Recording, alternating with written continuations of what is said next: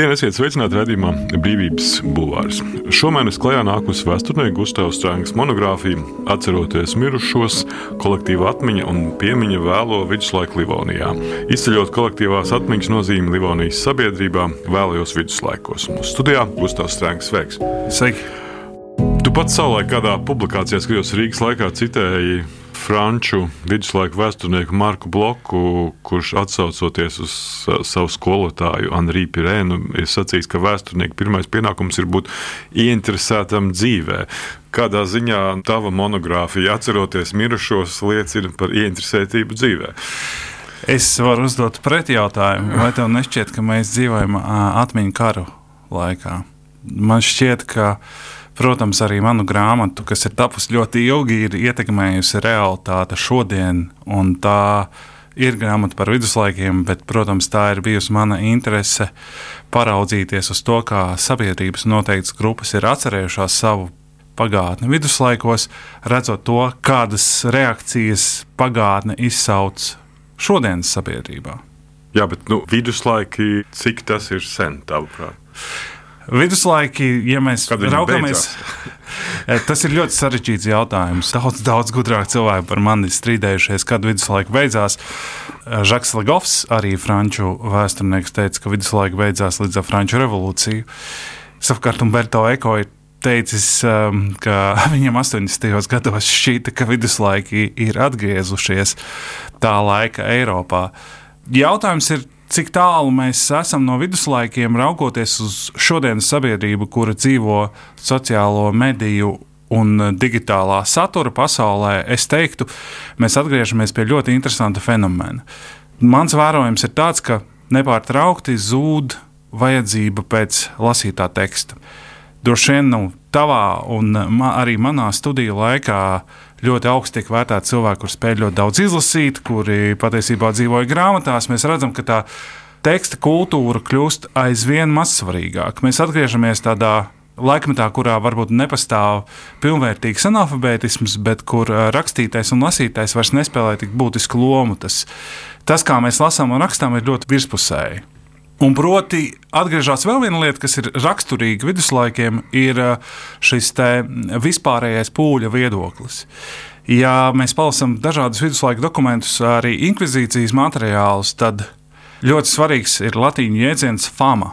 Fama ir patiešām vispārējais viedoklis, kāds eksistē noteiktā grupā vai sabiedrībā. Nu, tas visbiežāk ir baumas vai kaut kas pausa galam dzirdēts aizvien vairāk mēs ejam atpakaļ uz to sabiedrības modeli, kurā patiešām zināšanas un fakti spēlē aizvien mazāku lomu, savukārt šis vispārējais viedoklis kļūst aizvien svarīgāks. Un, ja mēs no šāda skatu punkta raugamies, tad viduslaika nav nemaz tik tālu no mums. Gustavs Stanga ir pēcdoktorantūras pētnieks Greifsvaldes Universitātē Vācijā. Vispētnieks Tallinas Universitātē un vadošais pētnieks Latvijas Nacionālajā Bibliotēkā. Viņa akadēmisko interesu lokā ir viduslaiku Livonijas vēsture, atmiņas un piemiņas pētniecība, kā arī grāmatniecības vēsture. Studējis Rīgā, Budapeštā, Freiburgā, Londonā. Nolikā iznākusi viņa grāmata Atceroties mirušos, kolektīvā atmiņa un piemiņa vēlo viduslaiku Livonijā, izceļot kolektīvās atmiņas nozīmi Livonijas sabiedrībā vēlajos viduslaikos. Kā norādījis pats autors, monogrāfijā analizēts, kā kolektīvās atmiņas forma, mirušo piemiņa, palīdzējusi dažādām grupām atcerēties savu pagātni, veidot un nostiprināt identitāti, kā arī veidot sociālās attiecības. Atgriežoties pie tās tavas pētniecības jomas un monogrāfijas, Tartu Universitātes profesors uh, Selārds recenzijā vai grāmatas anotācijā raksta, ka tava grāmata nav tikai kārtējais darbs pašajā viduslaika piemiņas pētniecībā, bet gan ieskats sarežģīts multikulturāls sabiedrības pastāvēšanā laikā no krustakariem līdz reformācijai, kur mirušo piemiņai bija īpaša loma sabiedrības salietītības nodrošināšanā. Tad ir tas jautājums, kādā veidā nu, to, par ko tu raksti, tu arī redzi, ka tam ir kaut kāds sakars par to, ko mēs šobrīd runājam tādā memoriālās kultūras līmenī. Mūsu sabiedrība ļoti atšķirās no viduslaiku sabiedrības. Ja mēs droši vien varētu teikt, ka pastāv nācijas kolektīvā atmiņa.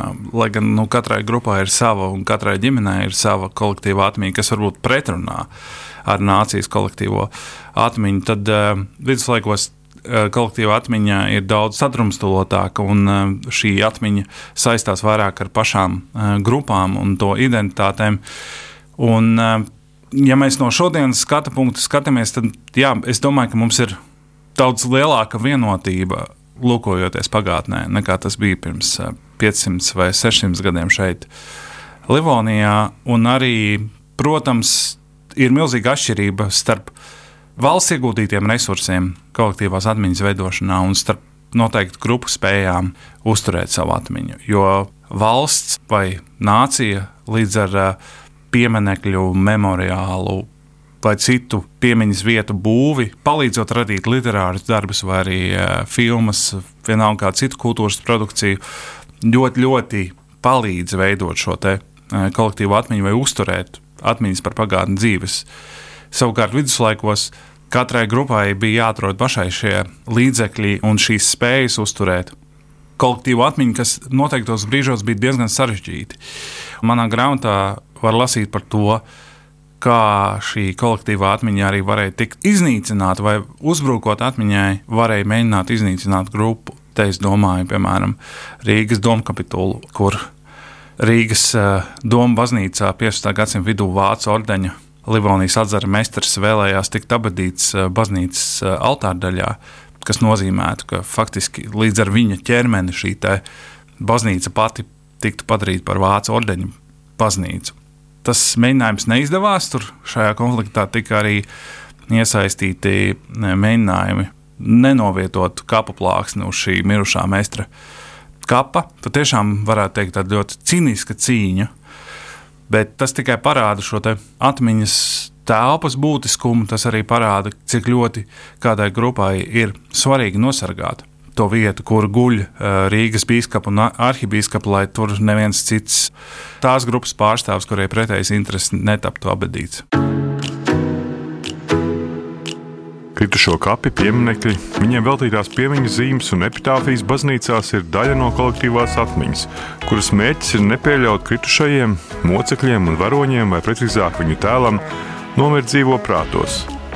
Reinhards Kozaleks uzskata, ka lielās kritušo kapsētas memoriāli ne tikai piemin mirušos, bet zināmā veidā arī kompensē zaudētās dzīvības, padarot izdzīvošanu par jēgpilnu. Veidojot piemiņu, instrumentalizē kritušos. Izdzīvojušie vai pēcnācēji ir radījuši piemiņas vietas ar mēģi parādīt, ka viņi aizstāv tās pašas vērtības, par kurām viņuprāt ir mirušie krituši. Kādēļ viņi tika nogalināti, kas ir tas mērķis, kura dēļ ir vērts ziedot savu dzīvību, kas viņus kritušos saista ar mums dzīvajiem. Šie jautājumi var tikt uzdot jebkurā laikmetā, un tāpat arī kritušo piemiņai visos laikmetos ir piemiķis identitāti veidojošs potenciāls. Tā krājumā atmiņu kopienas raksta vēsturnieks Gustavs Strāngs. Grāmatā par atmiņas kultūru tur rakstīja, ka atmiņas telpā iespējams kritušo karavīru brāļu kapi, viņiem veltītie pieminekļi, piemiņas zīmes visbiežāk ir sastopami šie objekti ārpus kapsētām. Tie piemin dažādu tautību, armiju karavīrus, kuri kritušie divos pasaules karos, atbrīvošanas cīņās, un tu norādi, ka bieži vien šos dažādos karos un armijās kritušo piemiņas vietas ir izvietotas cit, citai līdzās, un tās veido saudabīgas karavīru nekropolis. Nesen Nacionāla apvienība nāca klajā ar grozījumiem, rosināt likvidēt visus Latvijā atlikušos ārpus karavīru masu apbedījumus, esošos šos PSRS bruņoto spēku un padomju okupācijas slavinošos pieminekļus un pārvietot uz brāļu kapiem. Piemineklis vai abadījums? Abadījums. Es neesmu pārliecināts, vai viņi ierosināja pārvietot abadījumus, bet tas noteikti būtu ārkārtīgi sarežģīti. Bet rakstot šīs rindas, es ļoti spilgti atceros, ka man prātā nāca īstenībā gandrīz vai mana dzimtā vieta, vai man ļoti mīļa vieta, proti, Klapkalnciems, eh, kurzemes piekrastē, kur 100-150 eh, metru attālumā viena no otra atrodas trīs dažādi karavīru kapi. Klapkalnciem kapos ir abatīti Pirmā pasaules kara laikā, 1915. un 16. gadā kritušie vācu karavīri. Tur ir kādi 7, 8 dzelzbetona krusti. Tad nedaudz tālāk, 100 metrus ārpus kapsētas, kur kādreiz atradās padomju uh, armijai piemineklis un tanks, kas uh, pieminēja padomju karaspēka izlaušanos pie Rīgas jūras līča. Un šis tanks, protams, sen ir noņemts. Tur savukārt ir abatīti Otrajā pasaules karā kritušie padomju karavīri, un vēl nedaudz tālāk, 150 metrus, ir piemineklis uh, Somiju egeriem, kuri ir krita arī Pirmā pasaules kara laikā, 1916. gadā, kuri krita cīnoties Vācu armijas rindās Kurzemē. Un šis piemineklis savukārt tika demontēts, padom, atnākot padomju varai, un pēc tam tika izmantots tas somu granīts. Tukuma Leņķina pieminiekļa pamatnēji. Protams, ka pēc 1991. gada šis piemineklis līdz ar neatkarības atgūšanu ar Somijas valdības atbalstu tika atjaunots. Un man liekas, Te mēs redzam to ārkārtīgi lielo dažādību un šo vēstures stāstu pārklāšanos ļoti nelielā geogrāfiskā telpā. Un ko darīt? Es teiktu, mans ieteikums būtu neko nedarīt vai kādam traucē šie pieminekļi un šīs piemiņas vietas. Savulaik Krievija ļoti mētiecīgi nodarbojās ar šo abadījumu apzināšanu un uh, savas memoriālās kultūras saistībā ar Otro pasaules karu. Nu, veidošana tieši šo piemiņas gluži, vietu izskatā, mēs varam ļoti daudz vietu Latvijā. Gluži mēs varam vilkt paralēlus, gluži tāpat kā nacistiskā Vācija 30. gadu nogalē. Darīja līdzīgi. Darīja to pašu. Lielākā daļa šo Pirmā pasaules kara abadījumu dzelzceļa krustu tika uzstādīta tieši 30. gadu nogalē. Tā arī bija zināma nu, šī ne, totalitārā režīmā politika ārpus savas valsts robežām. Tas ir ļoti diskutējams jautājums. Es teiktu, mēs Mums droši vien nevajadzētu ļaut, lai Krievija turpinātu kaut ko tādu darīt, savu memoriālo politiku īstenot Latvijā, bet tajā pašā laikā mēs nedrīkstam tikai fokusēties uz atcerēšanos, mums arī ir jāatcerās par aizmiršanu. Lai cik uh, jocīgs šis teikums nebija, uh, atcerēties par aizmiršanu, bet iespējams ir jāļauj zināmām vietām tapt aizmirstām.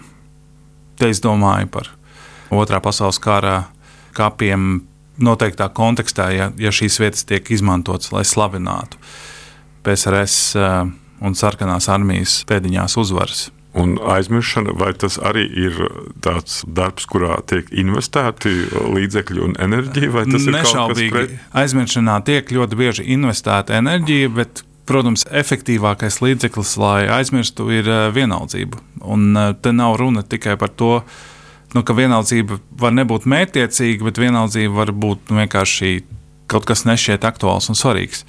Bet domājot par šīm padomju karavīru abadījumu vietām, man šķiet, par to ir kā pret jebkuru cilvēku abadījumu jāizturās ar cieņu.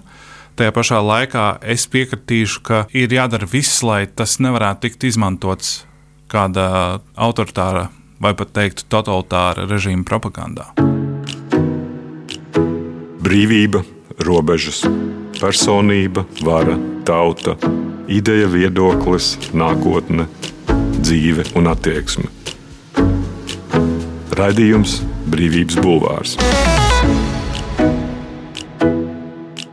Pirms dažām dienām izskanēja viedoklis, ka Rīgas domnieki apsver uh, Viļņa Lāča pieminiektu meža kapos nu, pagriezt vai pārvietot pilsētvidē. Tur bija divas dažādas versijas. Viena bija, ka viņi tā pagriešana varētu neizturēt, uh, piemineklis varētu nesaglabāties kā mākslas darbs. Jo nu, jāatgādina, ka savulaik tas tika uzcelts priekšā Latvijas pirmā prezidenta Jāņa Čakas piemineklim. Un otrs ir ierosinājums arī pārvietot Viļņāča mirstīgās atliekas, turpat, kur ir apglabāta viņa ģimene. Kā tu redzi šīs problēmas nu, risinājumu tajā pašā kontekstā, par ko mēs runājam? Ko darīt ar šo vietu un viņa lāča mirstīgajām atliekām? 20. gadsimta vēsture man vienmēr ir ievedusi lielās nepatikšanās atcerēsimies kaut vai manu komentāru par uh, filmu Padomju stāsts pirms uh, 17 gadiem. es teiktu, man šķiet, ka pētniekam ļoti interesanti tas, ka šis tieši šis brīdis, 30 gadus pēc neatkarības atgūšanas, ir tas, kurā mēs sākam tā rūpīgi skatīties uz šo padomju memoriālo mantojumu. Lai gan es lietoju vārdu rūpīgi, bieži vien tas nav rūpīgi, bet tādā kampaņu veidā un ļoti intensīvi. Man šķiet interesanti paskatīties uz to, kādēļ 30 gadus šis piemineklis nebija tik svarīgs. Kāpēc? Jo viņš tur stāvēja kopš 70. gadiem, atgūstot Latvijai neatkarību, viņš tur joprojām bija. It kā viņš nevienam netraucēja, un tagad ir tā vēlme viņu pārvietot. Lai gan šī aizsekšana, es teiktu, jo šis piemineklis patiešām tika uzbūvēts tur, lai aizsektu. Čakstas eh, pieminekli, viņi varbūt pat vairāk nav tik svarīgi, jo mēs visi lieliski zinām, kur Čakstas piemineklis atrodas, un, eh, un šim piemineklim ir atvēlēts vajadzīgais gods, es teiktu, ka drīzāk man šķiet vajadzētu atstāt viņa lāča pieminekli tur, kur viņš ir, un arī viņa abadījumu. Tā ir laikmeta liecība. Tas ir veids, arī kā mēs varam stāstīt šo stāstu par pagātni, kur mēs arī varam stāstīt stāstu par Vilu Lācu kā par kolaborantu, kā par cilvēku, kurš bija iesaistīts deportācijās, kā par uh, varbūt zināmā mērā arī nācijas nodevēju. Tu bieži vien ar saviem komentāriem skatījos gan sociālo mediju līmenī, kopā ar dažiem citiem Latvijas vēsturniekiem izpelnījies ļoti skarbu kritiku, uz, anonīmus uzbrukumus, dažādu veidu nu, apskaukšanos, kas, protams, rada jautājumu par to, kas tad ir tas mūsdienu vēsturnieka vai intelektuāļa uzdevums šajā sociālo mediju kontekstā, runājot par kaut kādām konkrētām nu, tēmām man jau labprāt gribētos eh, nepildīt nekādus uzdevumus sociālajos medijos un nebūt tam, Bet, pret, nu, tu jau tur dari. pret, pret kur tiek vērstas uh, lamas un uh, apskaukšanās. Man šķiet, ka vēsturnieku uzdevums vispār ir būt nērtam, iepratim noteiktam valdošam vai vairākumu viedoklim. Tas nenozīmē vienmēr šo viedokli apstrīdēt, bet tas nozīmē uzdot jautājumus. Man šķiet, ja mēs raugamies uz pagātni, tad uh, ir tēmas, kurās patiešām ir nepieciešams būt nērtam. Ir nepieciešams uzdot tos jautājumus, kas varbūt lielākajai daļai sabiedrības eh, nešķitīs pareizi un labi noteiktā situācijā.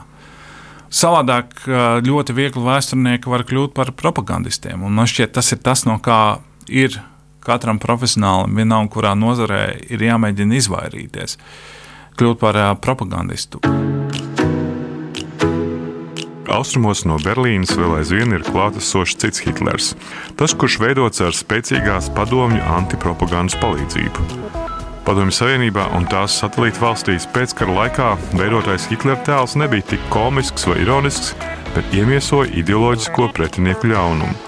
Padomu laikā izaugušajai paudzei noteikti ir savs režisora Mihaila Roma filmā parastais fašisms radītais Hitlers un Hitlers, pret kuru nenogurstoši cīnās Štirlits 17 pavasara mirkļos. Padomju režīms centās Hitleru atmaskot visādos veidos, un augstā kara laikmetā izmantoja viņu par simbolu visam rietumu imperiālismam. Hitlera dēmonu tēlu kultivēja padomju kara filmas, un ar ideoloģiski pareizu biogrāfiju palīdzību atklāja šī no padibēnēm nākušā liela kapitāla interešu aizstāvi nožēlojamo personu. Tā žurnālā Rīgas laiks 2011. gadā par izstādi Vācijas vēstures muzejā rakstīja Gustavs Strēnga šī izpratne tika vēlāk arī pārnesta līdz pat Ukraiņas gadījumam, kad nu, šis fašisma jēdziens atdzīvojās un izrādījās, nu, ka tas ir ļoti ilgspējīgs uzstādījums nu, vēsturiski. Vai tie 50, 60 gadus nav nekas, kad šāda veida propagandas sekas dzīvo ļoti ilgi. Mums ir jālūkojas uz to, ka jebkurai propagandai ir milzīga ietekme tādēļ, ka tie ir bijuši lieli resursi, kas ir ieguldīti propagandā. Un šķiet, tas ir tā, ir tā problēma, kas iepratim Kremļa propagandas jautājumam arī būs. Iespējams, mēs redzēsim desmitgadēm ilgu efektu noteiktām propagandas muļķībām, kuras ir radītas, jo viņas ir radītas izmantojot lielus resursus un viņas ir sasniegušas ārkārtīgi daudzus cilvēkus. Ir šis slavenais gadījums, kā Vienīgā cerība, ka tā digitālā pēda būs īsa, ja ko tas Steinhoers prognozē, es teiktu, es teiktu, ka patiesībā mm, iespējams noteiktas eh, muļķības vai ar mērķi izplatītas muļķības mēdz dzīvot ilgāk nekā labs un kvalitatīvs saturs. Ja mēs atceramies, Padomju Savienības eh, valsts drošības komiteja izplatīja mītu, uh, ka ASV ir, vai precīzāk, centrālā izlūkošanas pārvalde Āfrikā ir radījusi HIV vīrusu. Un šis mīts joprojām eksistē digitālajā telpā, lai gan šis propagandas stāsts tika izveidots 20. gadsimta 80. gados. Ir pagājuši vairāk kā 40 gadi, un joprojām šis stāsts ir dzīves. Es domāju, ka daudziem citiem arī šodien Kremļa propagandas radītiem mītiem un stāstiem viņi arī spēs dzīvot pietiekami ilgi un nepārtraukti būs viņus jāmēģina apgāzt un pretnostatīt. Vēl atgriežoties pie tās sarunas par šo padomu periodu mantojumu, tu rakstīji kādā no savām publikācijām par uh, poļu viduslaiku profesoru Geremeku, kurš devās uh, savulaik uh, 80. gada rītā pie slavenajiem Gdaņskas kuģu būvētavas uh, vārtiem, lai runātu ar strādniekiem. Viņš tika maigi sakot, pasūtīts vienu māju tālāk kopā ar citiem intelektuāļiem, kad viņi mēģināja nu, iesaistīties šajā situācijā. Un tur rakstīja par to, ka viņam vēlāk, kad viņš iesaistījās arī ģenerāla Jeruzaļska maizē, viņam nekad vēsturiski netika piedota šī te, viņa nu, divējādā loma. Viena ir šajā solidārijas kustības pirmsākumos, un otra vēlāk. Un tu, tavs secinājums ir, ka iespējams, ka tas ir 20. gadsimta Austrumēropas intelektuāla liktenis būt vainīgam visā, gan komunisma celšanā, gan arī nu, sagrāvē šajā gadā un pagājušajā mēs nu, gan attiecībā zinu, uz imanta ziedoņa 90, gan tagad uz Ojāra Vāciešu 90, gan mēs atgriežamies arī pie šiem jautājumiem, ka viņi reizē grāva un reizē viņiem tagad inkriminē arī celšanu. Man šķiet, ka Garemē gadījumā tur bija nedaudz otrādāk. Tur bija tā, ka viņš ļoti aktīvi piedalījās arī komunisma celšanā Polijā 70. gados līdz 1978. gadam un tad pēc tam kļuva par disidentu un iesaistījās arī solidaritātes kustībā un, un bija arī vienā no pirmajām demokrātiski ievēlētās polijas valdībā bija ārlietu ministrs. Es pilnīgi piekrītu. Manuprāt, intelektuāļiem vienalga, vai tas ir Broņislavs Garemeks vai Imants Ziedonis vai Ojārs Vācietis, šajā Eiropas daļā ir bijis šis liktenis, ka viņiem var pārmest gan vienu, gan otru. Uh, un viņi ir reizē gan uh, režīmu cēlāji, gan reizē šo režīmu grāvēji. Viņi ir gan reizē ļaundari, gan arī reizē varoņi. Un, uh, protams, te ir tā varbūt sarežģītība, ko mēs nespēsim saprast, uh, dzīvojot brīvā un demokrātiskā sabiedrībā. Proti, šie cilvēki noteiktos brīžos, esot daļa no sistēmas, patiešām centās palīdzēt citiem un centās arī zināmā mērā mazināt sistēmas ļaunumu. Kaut vai iestājoties komunistiskajā partijā, esot Rakstnieku savienības šajā komunistiskās partijas šūniņā. Tas arī mani kolēģi, kas pēta šo jautājumu, literatūras zinātnieki, arī vēsturnieki, teiktu, ka tas arī ir bijis veids, kā palīdzēt autoriem, kuru darbu publicēšanu ļoti bieži ideoloģiski iemeslu dēļ noraidīja. Viduslaika ir Rietumē Eiropas monarhija dzimšanas brīdis. Tas arī ir brīdis, kad mums ir jāmeklē savas bezkaraļu slimības saknes. Pats būtiskākais šī bezkaraļu slimība ir senāka par latviešiem. Proti, latvieši, kad viņi radās kā etniska grupa 15. gadsimta beigās, jau bija nolēmti savas monarhijas nesamībai. Jautājums, vai latviešiem vispār savu monarhiju ir nepieciešama? Ir, precīzāk, bija nepieciešama 20. gadsimta sākumā Bezkaralība ir mūsu vēsturiskā trauma, pašapziņas trūkums un vēsturiskās impotences apliecinājums, kas grauza latviešus un neliek tos mierā.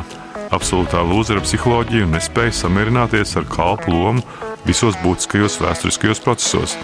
Latviešu nācija vien 19. gadsimta vidū un ilgi pēc tam jūt un jūta politiskas un intelektuālas tradīcijas trūkumu, kuru izraisījusi elites nēsamība. Ir sevišķi tādēļ, ka mēs allaž esam bijuši sazobē ar tādām kultūrām, kurām ir bijušas dziļas un senas monarhijas tradīcijas. Tā žurnālā Rīgas laiks 2008. gadā rakstīja vēsturnieks Gustavs Strānga. Aristokrātijas meklējumi šodien nespēlē gandrīz nekādu lomu. Nu, tas, ka Latvijas gados jau nemeklēja nekādus aristokrātus. Nē, 30. gados ļoti skaidri meklēja latviešu karaļus un valdniekus 13. Eh, gadsimtā. Un tas bija Umanim patiesībā namējs un viesturs eh, zemgaļu virsājuši bija ļoti svarīgi viņa režīma leģitimitātei.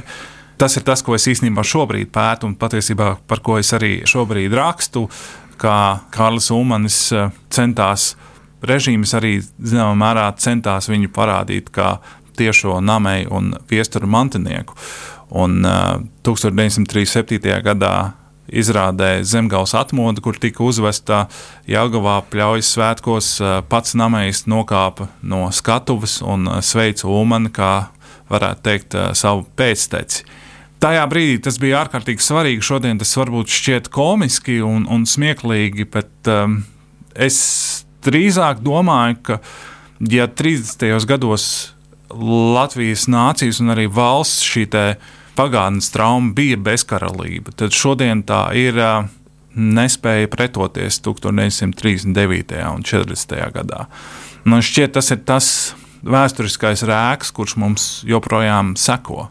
Tas jautājums, ko arī tēvs teātris izrādē, kur pazuda valsts, Matīs Grīsmans uzdod, kāpēc Latvijas valsts un tās vadība nepretojās. Tam ir bijuši daudzi nu, arī objektīvi iemesli, kādēļ varbūt pretestība nebija iespējama, bet tas ietekmē mūs šodien, jo tas ļauj apšaubīt tiem, kas nav Latvijai labvēlīgi okupācijas faktu. Ja būtu bijusi pretošanās un bijis uh, militārs konflikts, tad būtu ļoti skaidrs, ka Padomju Savienība ir iebrukusi. Uzvaras laukuma aktualizācija. Tas ir arī nu, daļa no šīs memoriālās kultūras un daļa no aspekta, ka politiķi kļūst par vēsturniekiem un veido šo memoriālo kultūru tajā savā izpratnē. Kas ir tas, kas tavuprāt tur tagad notiek? Jo tur bija gan nepieciešamība, gan pēc vēsturiska pamatojuma, un ir tāds sajūta, ka tur tiek radīts kaut kādas jaunas vēsturiskas nojēgums tajā vietā. Un, uh, Interesants no tāda pētnieciskā aspekta, bet jā, jautājums, kas tur Tavuprāt, man, notiek? Eh, man šķiet, šis jautājums noteikti būs eh, jāuzdod eh, vēsturniecei Vitai Zelčai, tad, kad viņi noslēgs savu projektu pēc trim gadiem, kurš saucās Uzvaras laukuma pārstāstīšana, un kurš, starp citu, arī bija viens no projektiem, kurš izsauca sabiedrības reakciju. Kāpēc tam vajag tērēt naudu? Kāpēc tam vajag tērēt naudu? Bet man šķiet, šajā kontekstā mēs redzam to aktualitāti, un, un es domāju, tas būs labs pētījums, ka mēs ieraudzīsim šī laukuma pārstāstīšanas nozīme šodien. Raugoties uz to, kas tagad ir izveidots uh, Uzvaras parkā, man patiesībā šīs nedēļas nogalē bija liels prieks, ka tur ir izveidota patīkama telpa, es teikšu, es pat priecājos, ka šīs telpas memoriālā nozīme tur vairs nav. Kāpēc? Ja tur būtu bijis mēģinājums uzstādīt citu pieminiektu, tā pieminiektu vietā, tas būtu uh, turpinājums atmiņu kariem. Tagad, zināmā mērā, ar parka izveidi tas ir mēģinājums noņemt, noņemt šo memoriālo nozīmi. Un īstenībā es teiktu, Rīgā jebkura veida memoriālo objektu iespējams ir par daudz, ka parādās kāda brīva telpa. Labā vietā uzreiz ir doma, ka tur vajadzētu uzlikt kādam pieminekli, vai to krasmalu vajadzētu nosaukt kādu vēsturiskā notikuma vai personas vārdā. Uh, Man šķiet, ka mums pietrūkst tāda vieta, kur tās memoriālās nozīmes nav. Un šajā ziņā, ja mēs raugamies uz uh, uzvaras parku vai laukumu, tad uh, tur noteikti šobrīd noticis tas, ka šī memoriālā nozīme ir pašā tajā vietā izdzēsta. Jautājums ir, vai ir izdzēsta šī memoriālā nozīme to cilvēku prātos, kuri tur uh, katru gadu 9. maijā gāja nolikt ciedus. Uz to man atbildes nav. Paldies! Paldies! Paldies. Bija vēsturnieks Gustavs Strānga, mans vārds Kins Grūve, radījumu ierakstīja Toms Šits un Monteja Normītspapa. Paldies! Brīvība ir brīvība. Nevienlīdzība vai taisnīgums, vai kultūra, vai cilvēks laime. Tā teica Iesai Berlīns. Sarunas ar brīvas apziņas un ideju cilvēkiem radījumā Brīvības bulvārs.